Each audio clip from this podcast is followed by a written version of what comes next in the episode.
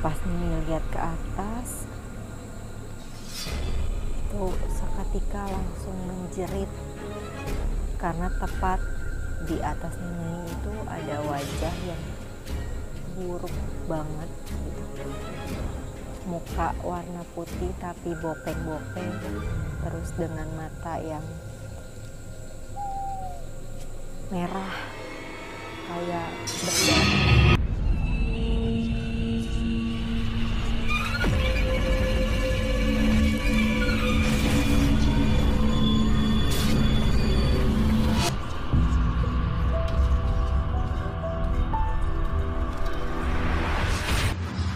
Assalamualaikum warahmatullahi wabarakatuh.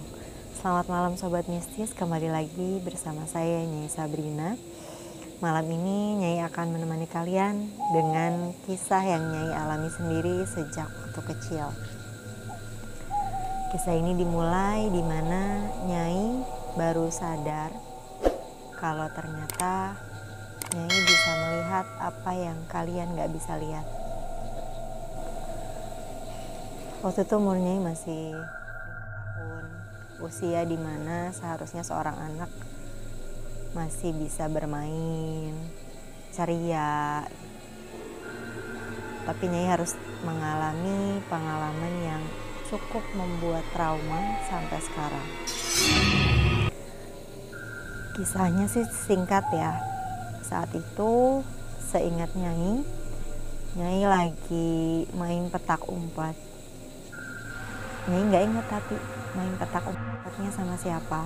Yang Nyai inget itu Nyai uh, punya temen anak kecil laki-laki. Itu dia ngajak Nyai untuk main petak umpet. Nyai main petak umpet itu siang pokoknya lagi siang banget.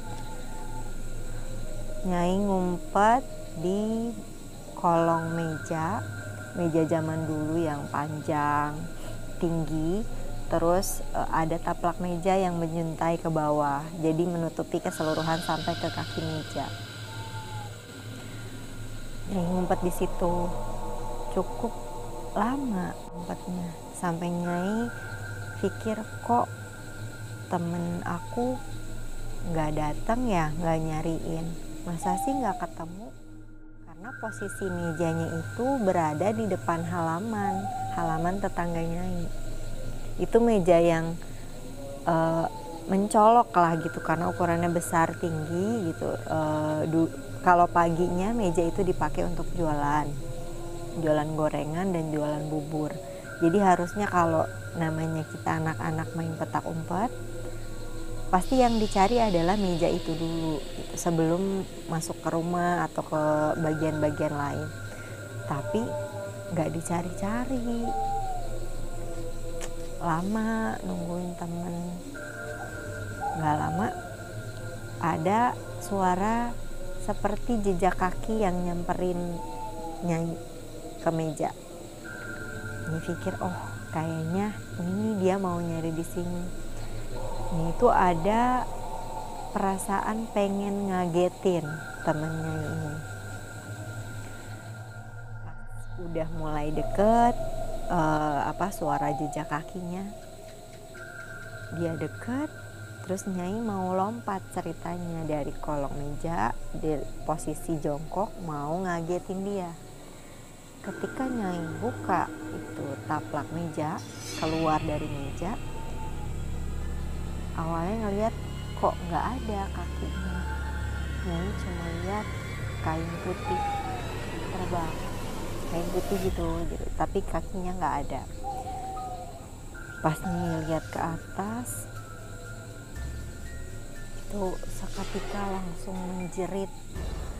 Karena tepat di atas Nyai itu ada wajah yang buruk banget. gitu muka warna putih tapi bopeng-bopeng terus dengan mata yang merah kayak berdarah matanya. Dan ada kain seperti kerudung ini yang diikat ke atas. Kalian tahulah itu makhluk apa. Itu seketika ini langsung menjerit nyari ibu gitu. Nangis nangis sampai tetangga itu pada heboh. Kenapa kenapa kenapa ih siang-siang gitu? Ini dipanggil Riri waktu itu. Riri kenapa? Uh, lihat pocong. Nangis pokoknya uh, nyari ibu aku terus melukin dari situ aku nangis terus sampai sesebukan dan nggak sadar lagi. Aku lupa tapi suatu hari tuh ketika aku dewasa aku tanya sama ibuku ehm, bu waktu aku ngelihat penampakan waktu masih kecil aku masih inget loh gitu penampakannya gimana? Cuma aku nggak ingat. Setelah aku nggak sadar itu apa yang terjadi? Nah, ketika aku dibawa ke kamar dan nggak sadar itu aku bangun terus dalam keadaan bangun itu selalu gelisah dan ketakutan. Kata mama ehm, aku itu selama tiga hari kurang lebih selalu ke mana-mana pengennya ditemenin nggak dan nggak mau ditinggal sendirian. Mandi itu harus ditemenin tidur harus ditemenin benar-benar nggak boleh ditinggalin dan nggak mau ditinggalin. Kalau ditinggalin aku bakal nangis nangisnya tuh yang bukan cuma nangis biasa tapi udah nangis histeris. Udah bener-bener ketakutan. Ada pergerakan sedikit pun kayak misalnya cicak gitu gerak di dinding atau kucing lewat itu aku bener-bener panik. Sampai akhirnya mamaku tuh udah bingung kan harus gimana.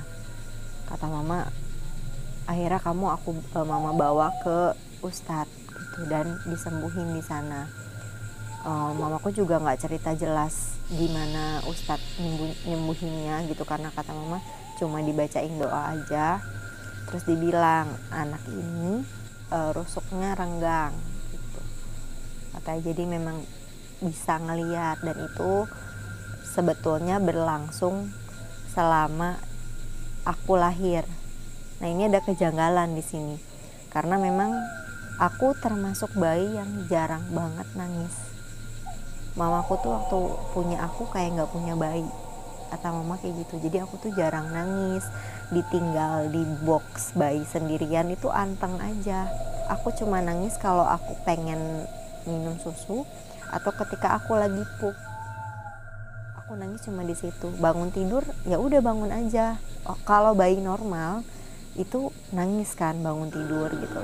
Sementara kata mamaku tuh aku jarang banget nangis. Dan kata ustadznya ya memang mungkin udah dijagain dari kecil jadi makanya aku tuh termasuk bayi yang anteng. Gak pernah nangis. Dari situ baru mamaku ngerti oh ternyata ini loh gitu. Alasannya kenapa aku tuh anteng banget dari kecil jarang banget nangis dan gak rewel kalau ditinggalin setelah diobatin sama ustadz aku langsung tidur kata mama. Karena kan selama tiga hari itu aku bener-bener nggak tidur. Bayangin anak kecil nggak tidur sama sekali gitu loh. Selalu histeris dan kayaknya udah sakit banget mungkin aku ya. Langsung tidur dibawa ke rumah. Pas besokannya udah kayak nggak ada kejadian apa-apa. Aku kembali jadi anak kecil yang um, apa ya ceria lagi main lagi gitu ya sobat isis itu singkat cerita salah satu cerita yang sampai sekarang masih ngebekas buat aku dan bikin trauma. Terima kasih yang udah nonton ceritanya hari ini. Jangan ke mana-mana, selalu saksikan videonya nyanyi di like, di komen, subscribe, dan juga di share ke teman-teman kalian. Selamat malam, wassalamualaikum warahmatullahi wabarakatuh.